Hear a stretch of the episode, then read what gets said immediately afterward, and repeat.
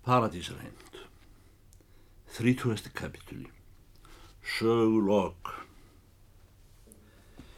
Um þær myndir hafði forstaða mormónatrúbóðs á Íslandi verið flutt úr Danmörku og lögðundir Skotlands umdæmi. Voru þar höfuð stöðvar eins og sagt er á nútíma málísku en myndi til forna hafa heitið Erkistóll. Við stól þennan var skóli þar sem mormónaklerkar voru upplæriðir í list og aðferða prétika guðspjallið með nýjum sið fyrir gentilísfólki á öðrum löndum. Hingað var P. Stanford sendur úr Júta að nefna vísdóm í einn vetur. Áður að færi til Íslands að ganga í spór þjóðreiks biskups og annara helgra manna sem þar hafa farið upp á landið. Sagt er að bryggleggjarinn hafi komist svo að orði síðar að í þessum stað e, Edínaborg hafi hann numið heil og fræði með þeim parti höfðsins sem viðtekur fyrir ofan nefið en hafi áður kunnaðau eftir nefinu eins og þá erum en drekka með nösunum snús úr trehorni. Nú verða hér eigi taldar fleiri greinar um Guðfræði og helgabóðun að sinni. En það hefur bryggleikjarinn sjálfur sagt að fátt í læringu erki skóla þar á Skotlandi hefði tekið fram setningum er Runolur Prestur, Bóðaði og fyrr voru raktar á þessu hveri. Víkun úr sögu til þess er fugglar taka upp kvög sín í trjánum þar í nýgrankaðri túmbrekkunni sem verður undan kastala skota. Þar er í staðnum eh, konungssonar gata, svo er breið er og sólufáinn og úðuð hollum skúrum umfram flest borgstræti á heimsbyggðinni, eh, þá er götur líður í fyrskrifaðri Guðsborg Síón útstikaðar og markaðar á grundvöld alviskunni. Þennan dag er bryggleggjari úr Júta á gangi þar í prinsestræti eða kongssonarstræti að kaupa sér skó með þykkum sólum til Íslandsferðar. Má vera nokkuð svo góðan hatt. Þá veit hann ekki fyrr til en einn kemur og klappar á aukslónum í mangrúanum á höfðstræti Edina borgar þar sem heldri menn ganga í pilsum. Þessi maður er klættur dýrlegum pelsfrakka og hefur stromphúfu háfa af samskonar pelli og látið bera vaks í yfirskegg sitt og snúa upp á endana svo þeir standa eins og prjónar út í loftið. Benti fátt til þess að hér færi nokkur götu sópari ellegar skóbustari þeirra skotanna. Var og eigi svo. Hitt undrar bryggleikjara úr spánskum forki meir er slíkur maður hristir hann og helsar hann á frónska tungu með viðkunnalegum blótsirðum eins og gerist milli lagsmanna. Nei farðu nú í hurðarlöstu hólakot. Já hur mó arnhöfðúttur og það hann að vera Bryggleggjarinn marg drefur nú fyrst hittlinga til að fá rík úr augum sér og kyngir vandlega munvatni sínu til að losa um tunguna. En mælir að lokum ekki með öllu án kjökur þó með aðkenningu af hlátri sem jafnan brá fyrir hjá þessum manni er hann lísti yfir hlutum sem hann hugði standa heima ég heiti, segir hann, Stone P. Stanford, bryggleikjar og mormón spánskum forki í territóri Júta. Jam, það er ég. Bryggleikjari og mormón úr spánskum forki? Ég hef mikið anskotir við vittlausir. En sveið því komdu blessaður samt og leistu frá skjóðunis. Segðu hvernig á því stendur að ég get ekki eignast margar konur eins og þið björn á leirum bryggleggjarinn Og það er nú fá tíðindi hjá svona kútum eins og fyrir daginn. Utan hvað mér heyrist fugglar vera færðin að syngja meira en góðu hófi gefnir á Skotland í dag.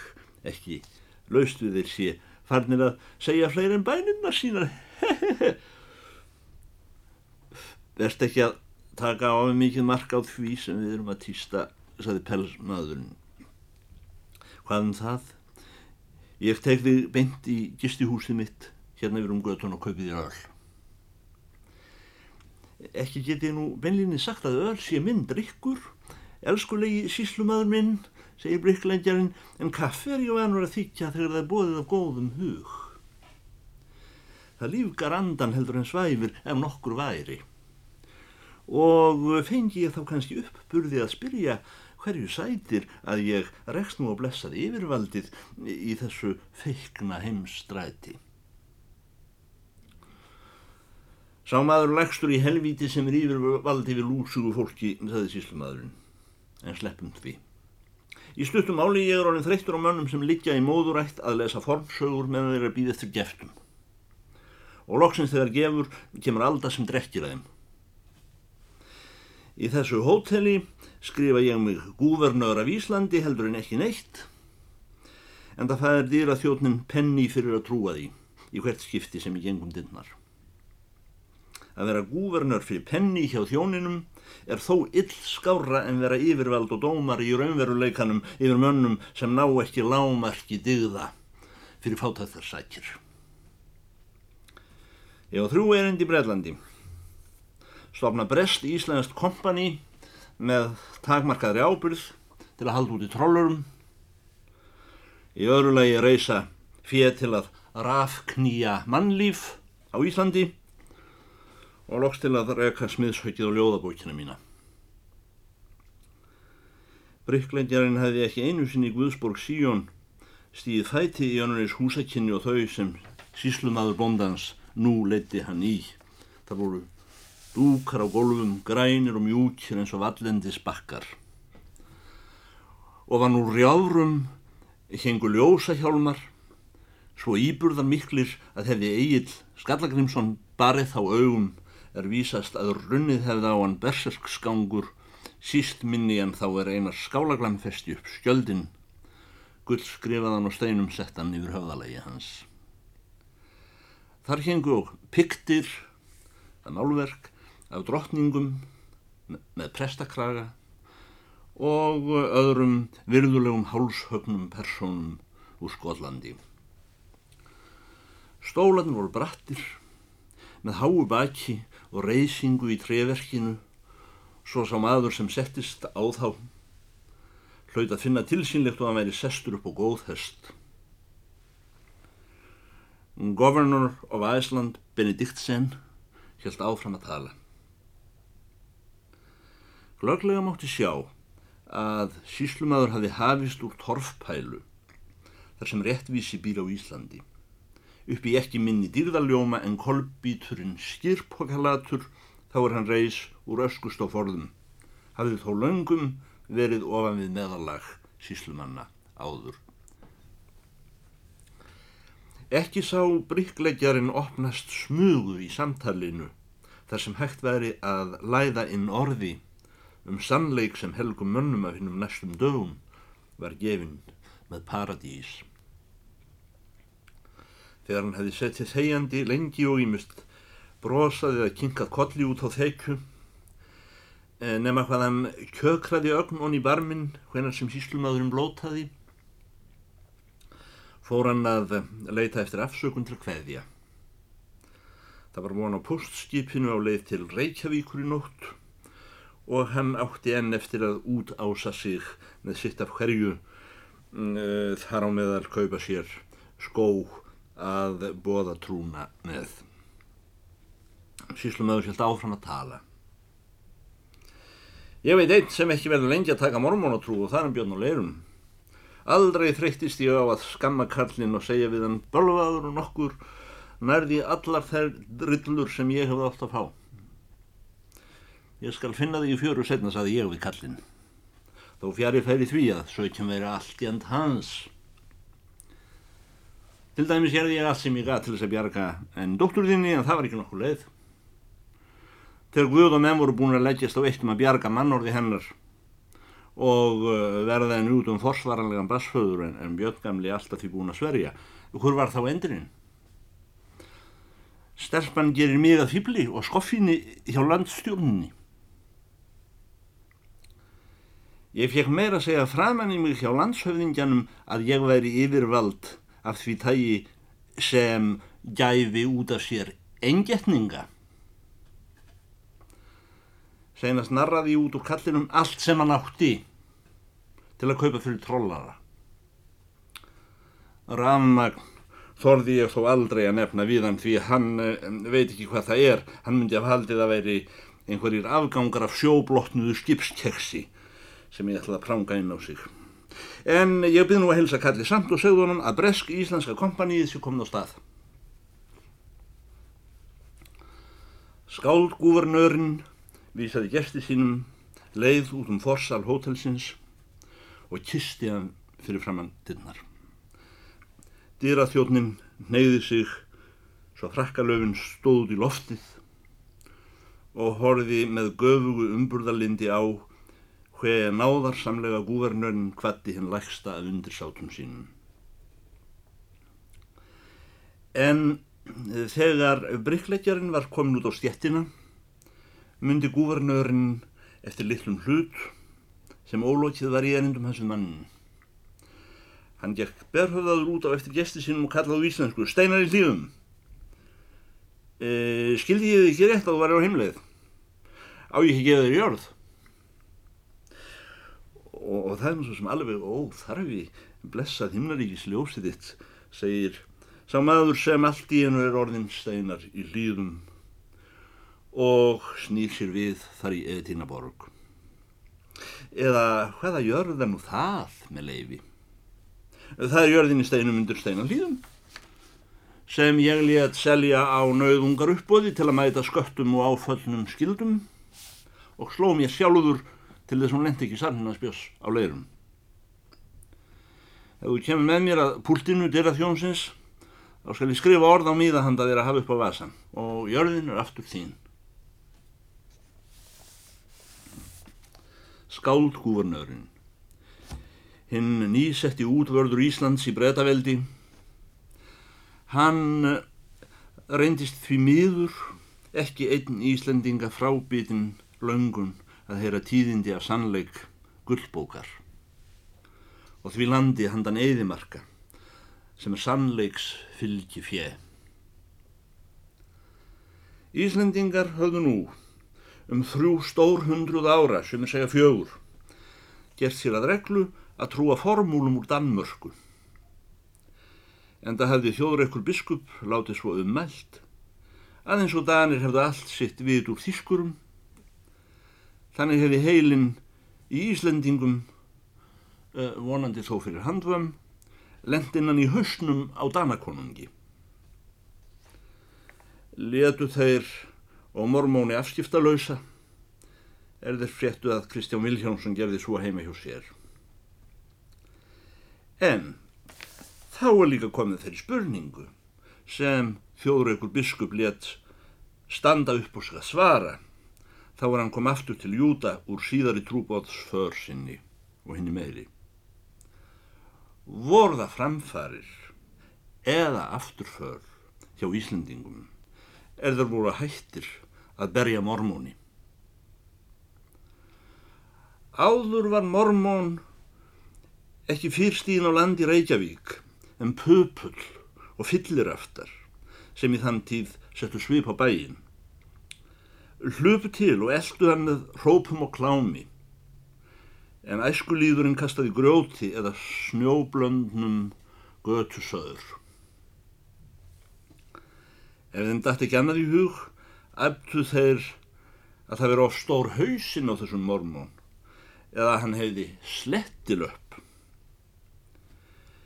Hvenar sem mormón reyndað skjóta á fundi til að bóða þarflega hluti, svo sem niðurdýfingu og nöðsinn blótbindindis, á samt fróðleikum breytt stræt hanna í glófagri borg Síjón Þá var þessi stefnivargur óðar komin upp á pallin þar sem verið var að prétika og fann að bysa við að lemja helgan mann.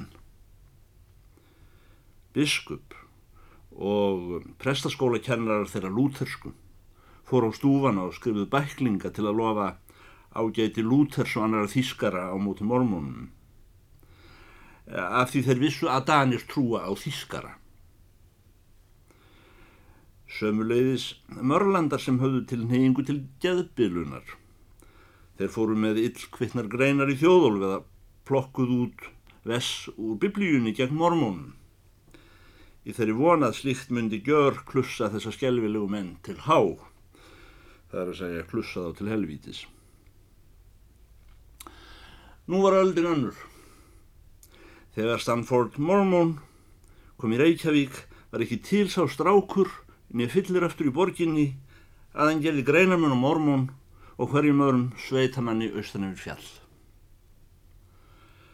Flestir geðbilaðir menn voru og búin að gleima mormónum og farin að hugsa um rafurmagn.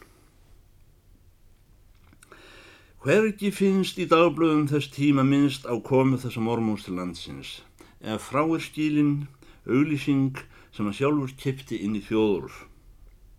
Það segir að Stone P. Stanford, bryggleggjar og mormón úr Spánarforks byggð í territóri Júta, ætli að þetta samkomi í Gútenbrarhúsin tilteki kvöld um lokinn og útskýra fyrir mönnum allt um ofinbjörn Jósefs smiðs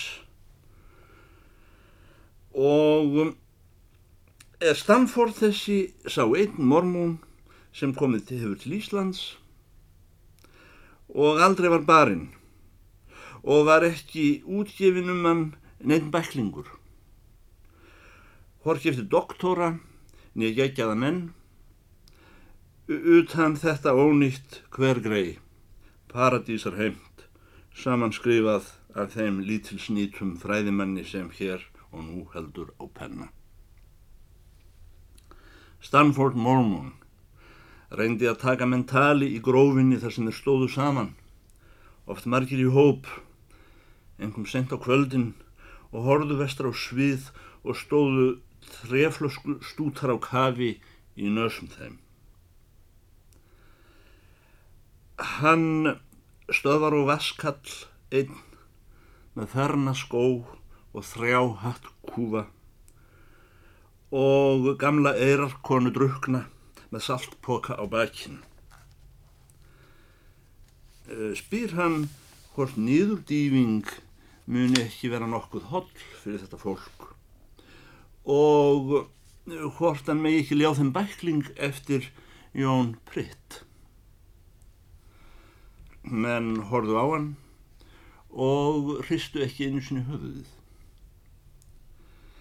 Eða vildu þeir heldur spyr hann hið ágæta mistarverk um sannleikan eftir þjóðrög Jónsson frá bóli í Eilöndum. Menn sögðu þessum kút ekki einu sinni að ég það þessum út í frís. Og þegar komið er að þeirri kvöldstund um vorið, nær hefjast skildi í gútemflara húsi fyrirlestur Stónpjö Stanfords um opinberunina. Þá flúðu krýjur fyrir dyrnar og fóru að leita sér síli í tjörninni. Engin lifandi sála í bænum gerði likku á leið sína að heyra um landið góða þar sem fríður ríkir og sannleikur býr. Og þó. Tvær rosknar konur í fellingapilsum nýra á ökla og í dagtreyjum en byggsvört ullarsvöl sjöl höfðu þær bundin sér um höfuð svo ekki gerði hann að sjást í blánefið. Það er mismunuðu sér innum gáttirnar og settust fram við dýr. Langaði eftir vil að heyra um fjölkvæni. En lengir von á einum. Höfðinglegur gráskjeggur, nokkuð framsettur, en greinilega næstum blindur, þreyfar sig áfram með stafnum sín minnur eftir miðju, salargólfi og lætur ekki staðanumið fyrir undir ræðupalli. Þar setur hann niður hattinn sinn við hlið sér í bekkin, en um, stafurinn er orðin aðal skilningarvit þessa manns og honum sleppur hann ekki, þá er hann sest sjálfur. Já, já, góður tíðin drengir eða hvað, segir þessi fundarmadur beint framfyrir í salnum þegar hann er sestur. Hlustar nú og uh, býður undirtekta nokkra stund og bætir við ég gerir ráð fyrir að hér sé margt góður að manna samankomið. En þegar ekki verður ans í salnum rýs sjálfur fundarbóðandi úr sæti þar sem hann var í myrku horni að býða eftir áherendum og gefur sig ljós við þennan áhuga mann sem hafði borið sigur orð af blindu sinni hrumleik til að ná fróðuleik um land landa. Nú þykir mér týra. Þetta er þó ekki hann björn minn á leirum og komdu sæl blessuð dýðin þín, segir sá frá Júta. Er sem ég sínist að þú sér fann að sjá illa? Ekki skaltu samt setja það fyrir þig, segi ég, því ein er svo sjón sem er að marka. Þér er ótaf hlaupið úr þann kapitúralagsi, því ég er frelsaður, grýpur þessi blindi maður frammi og þreyfar fyrir sér með stafnum uns hann finnur mormónin, dregur hann síðan til sín og kissir. Kondu mér æfinlega hjartanlega marg blessaður steinar í hlýðum. Hún dóttir þín lurfans og arna turnaði mér til mormóns með langt öllum sannari rökum en svona kall eins og þú ert í færum til. Eh, einhver var að ymda eitthvað í þá veru, saði mormónin. Ég kunni nú ekki að vera að spyrja að því, því það sem alveg viskan einu sinni hefur látið við gangast, það eitt og ekki annað er rétt. Kanski á ég eftir að innsikla þig til eilifðar bústaða með helgum mönnum ef okkur skildi bera að tærum læk. Blindi maðurinn svarar. Æ, hvort út yfir þessu gravar sáði eða lætur það þurrt, farið þá veri, eitt er okkar betja ætland hérna af. Og hefði ekki hann sísluðaði bendir sem gert mig að þrótamanni með fortölu snildin í sér, þá er ég nú kannski komin til Júta að deyja. Í stað þess að vera sestur í Reykjavík að snúa nappeldur handar hossakaupmunum, mér til lífsfram færis í ellinni. Og nú eru þau sem sé farnir að heftastóðið, nýjir síður komið nýjum herrum. Mormón svarar. Kanski ég geti þá ekki meira á hverju sem ég átt að ferða frá Bresk-Íslandska kompaníinu í Edinaborg. Ég hitti blessaðan kallinn í nýju loðkápunni sinni í konungssonarstræti. Hann gekk með mér í stórherbergi og kefti mér kaffi og gaf mér jörð. Það gaf alla eftir spauðin í honum Kristjáni kallin Viljámsin. Þegar hann kom úr Danmörku hér um árið og gaf Íslendingum leiði að ganga uppréttir heima hjá sér. En hvenar ná Íslendingar svo langt að þeirra þjóðfélagi sé stjórnað af alvisku eftir gull bók. Já, lagsmaður, þú getur hrótt um tala því almættið gaf þér reyðhest sem er betri en allir mínar hestar þó ég veri best hestaður maður á Íslandi, saði Björn á leirum. Sent gleym ég því þegar hann síslumadur Bendiksen gáfna slingast í fortölumadur á landinu var að bera í þig výjurnar vegna þess hests svo ég nefni ekki mángaran heimska frá leirum, sjálfan mig. Jæja, loks ertu búin að selja grípinn fyrir það sem hann er verður, en björn á leirum.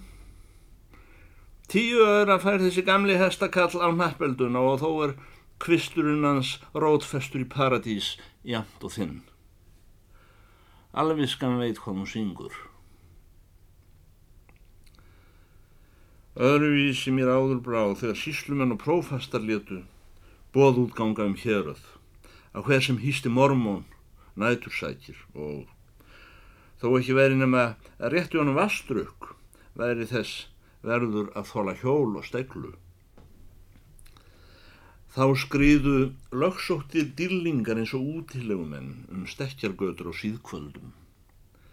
Eða hölluðu sér út af í beitarhúsum þar sem beði jórtrandi fjö á veturna en gorkúlur á sumlum. Nú, þegar þessi mormón er komin austur yfir fjall og farin að þramma eftir lálendi Suðurlands og bera dýrum manna Þá hefur hann þann formála að hér sé komin bryggleggjar á mormún territóru Júta. Jam, það er ég. Býður síðan átekta ef nokkur skildi vilja ráðast að honum með barsmíð.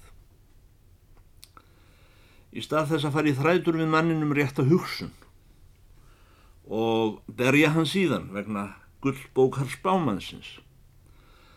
Þá sögðu bændurustrum allan flóa, líka um hold og skeið, einnegin í tungunum og gullkreppunum, svo og um endi langar ángar og öllu.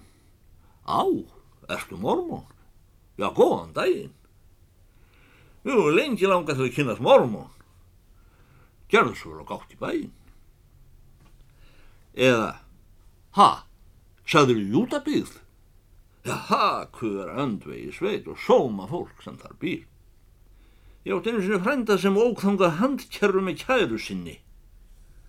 Þar hvað ekki vera svo lítilfjölu hvern manns mynd ef hún nærðangað allarleið að hún sé ekki gerð kona í húsi. En aðri sögðu, Nei, lagsmaðu hviss, komdu fljóttinn, ég á nóg brenni mín og segðu mér hvað átt margar konur. Bryggleikjarinn svaraði öllum þessum spurningum og kurtiði sín en þegar komið henni síðustu hafði hann til að kjökur hlæja við og svara með þessari gátu Ég er þrý innsiklaður maðurbóndi minn einni liðinni tveim lífs. Svo sem ég innsiklaðist fyrstri lág á Allands hafsbótni Það er síðast töldu önnur er sværa mín hinn er snör mín.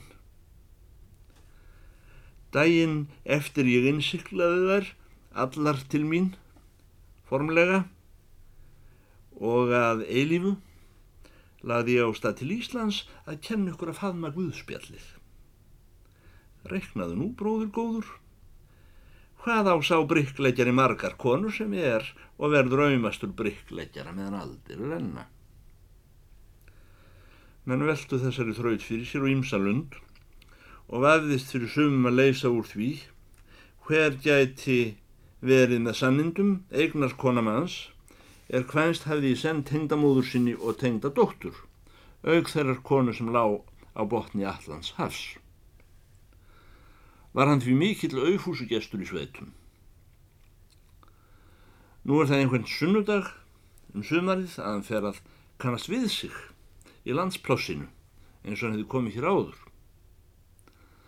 Hann þræði nú tróðninga heim að kirkjustafn okkurum þar sem, sem þar stendur utan í lágum túnhóli.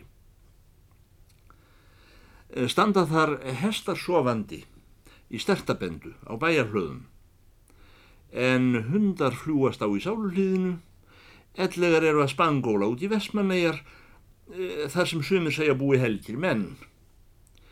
Enda voru eigarnar rúmlega hálf stygnar til himna í tíbránni.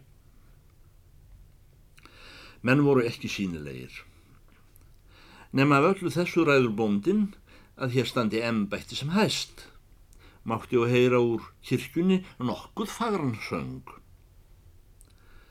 Þar voru í túni hestasteinar þrýr hálfsoknir grasi sem notaður höfðu verið í fyrri daga þegar bær og kirkja stóðu öðruvísi af sér en nú en á vorri tíð löngu yfirgefnir svo af guði og mönnum sem af hestum.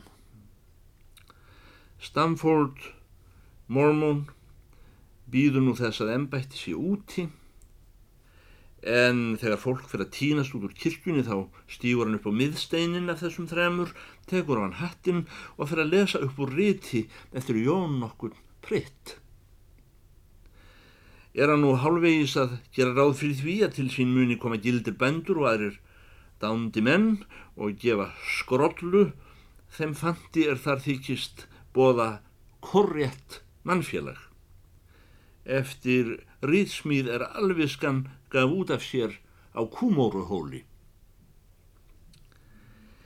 En eh, sem hann er að lesa, sannleiks raust Jóns Pritts, þar á steininum og nokkrin menn eru fannir að hlusta, kemur þá ekki sjálfur presturinn í hempu og hatti út í túnið og tekur ofan fyrir ræðumanni, gengur upp að honum, réttur honum hönd sína og spýr Vill ekki herra mormónin heldur ganga í kirkju og bóða erindi sitt af predikunastóli en standa upp á þessum óvirðulega steini.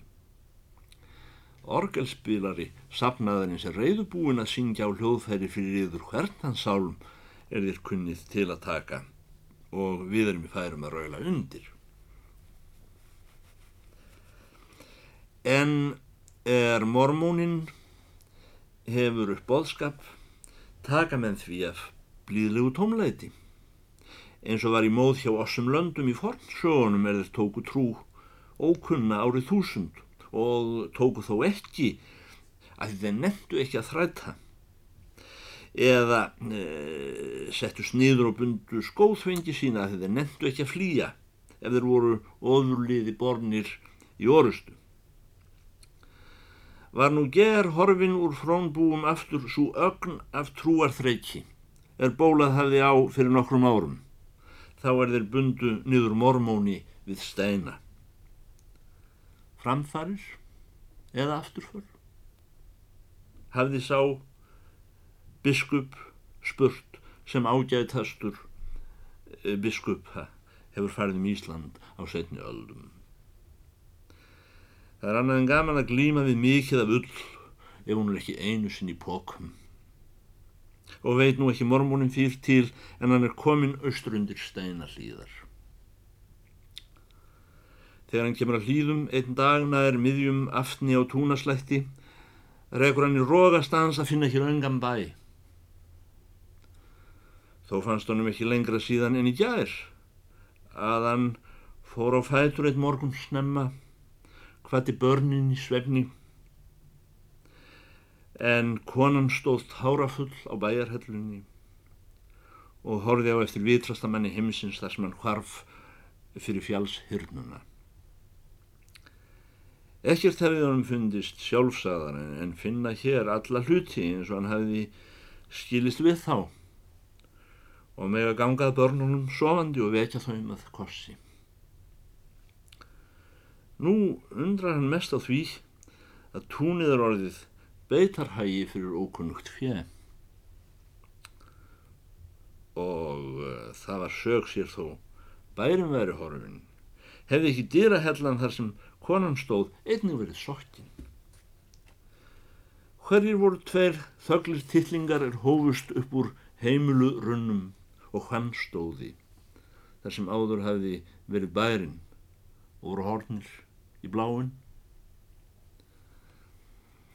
hefði hann ekki farið hon í vasasinn og fundið bref frá manni í Edínaborg upp á að þetta veri jörðin hans þá hefði hann alltaf trúað að það svo væri.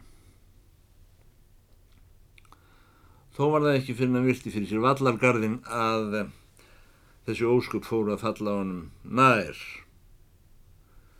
Var furða þó honum of hasaði að sjá hvernig þessi mestraverk eftir langafa hans fyrirmynd og eftirdæmi heila sveita voru farin á einni svipstundun en að skrapp frá og skriðu gróti dreft út um allt tún. Þá var þann litið upp í snarbratt fjallið fyrir áan bæinn á fílinn hennan trúafugl svífa mjúku og sterku og ódöðlegu vengtæki fyrir framann bergstallana hátt upp. Vaksna burknum og tunglgrasi þar sem hann hefði átt sér hreyður í 20.000 ár. Hann lagði af sér pókansinn með bæklingunum eftir Jón Pritt smegði sér úr treyjunni og tók á hann hættin og fór að týna saman grjót og berað sig að gelda ögn upp í veggina Hér átti einn maður mikið verk fyrir höndum. Slíkir garðar taka í rauninni mannin með sér eða að standa. Vegfærandin okkur sér að ókunnur maður tekinn til að laspra við garðana í þessu eðikoti. Húr tú? spyr þessi ferðamaður. Hinn svarar. Ég er sá maður sem heimti aftur paradís eftir hún hefði lengi verið tínd og gaf hana börnum sínum. Hvað er slíkun maður að vilja hér? spurði vökkfærandin. Ég hef fundið sannleikan og það land þar sem hann býr, áréttaði vekkleðslumadurinn. Það er að vísu all mikil svert, en nú skiptir mestu máli að reysa við aftur þennan vallargarð. Síðan uh, heldur stein bóndi áfram, eins og ekkit hefði í skorist að leggja stein við stein í hennar fornu veggi uns sólsett var í hlýðum undir hlýðunum.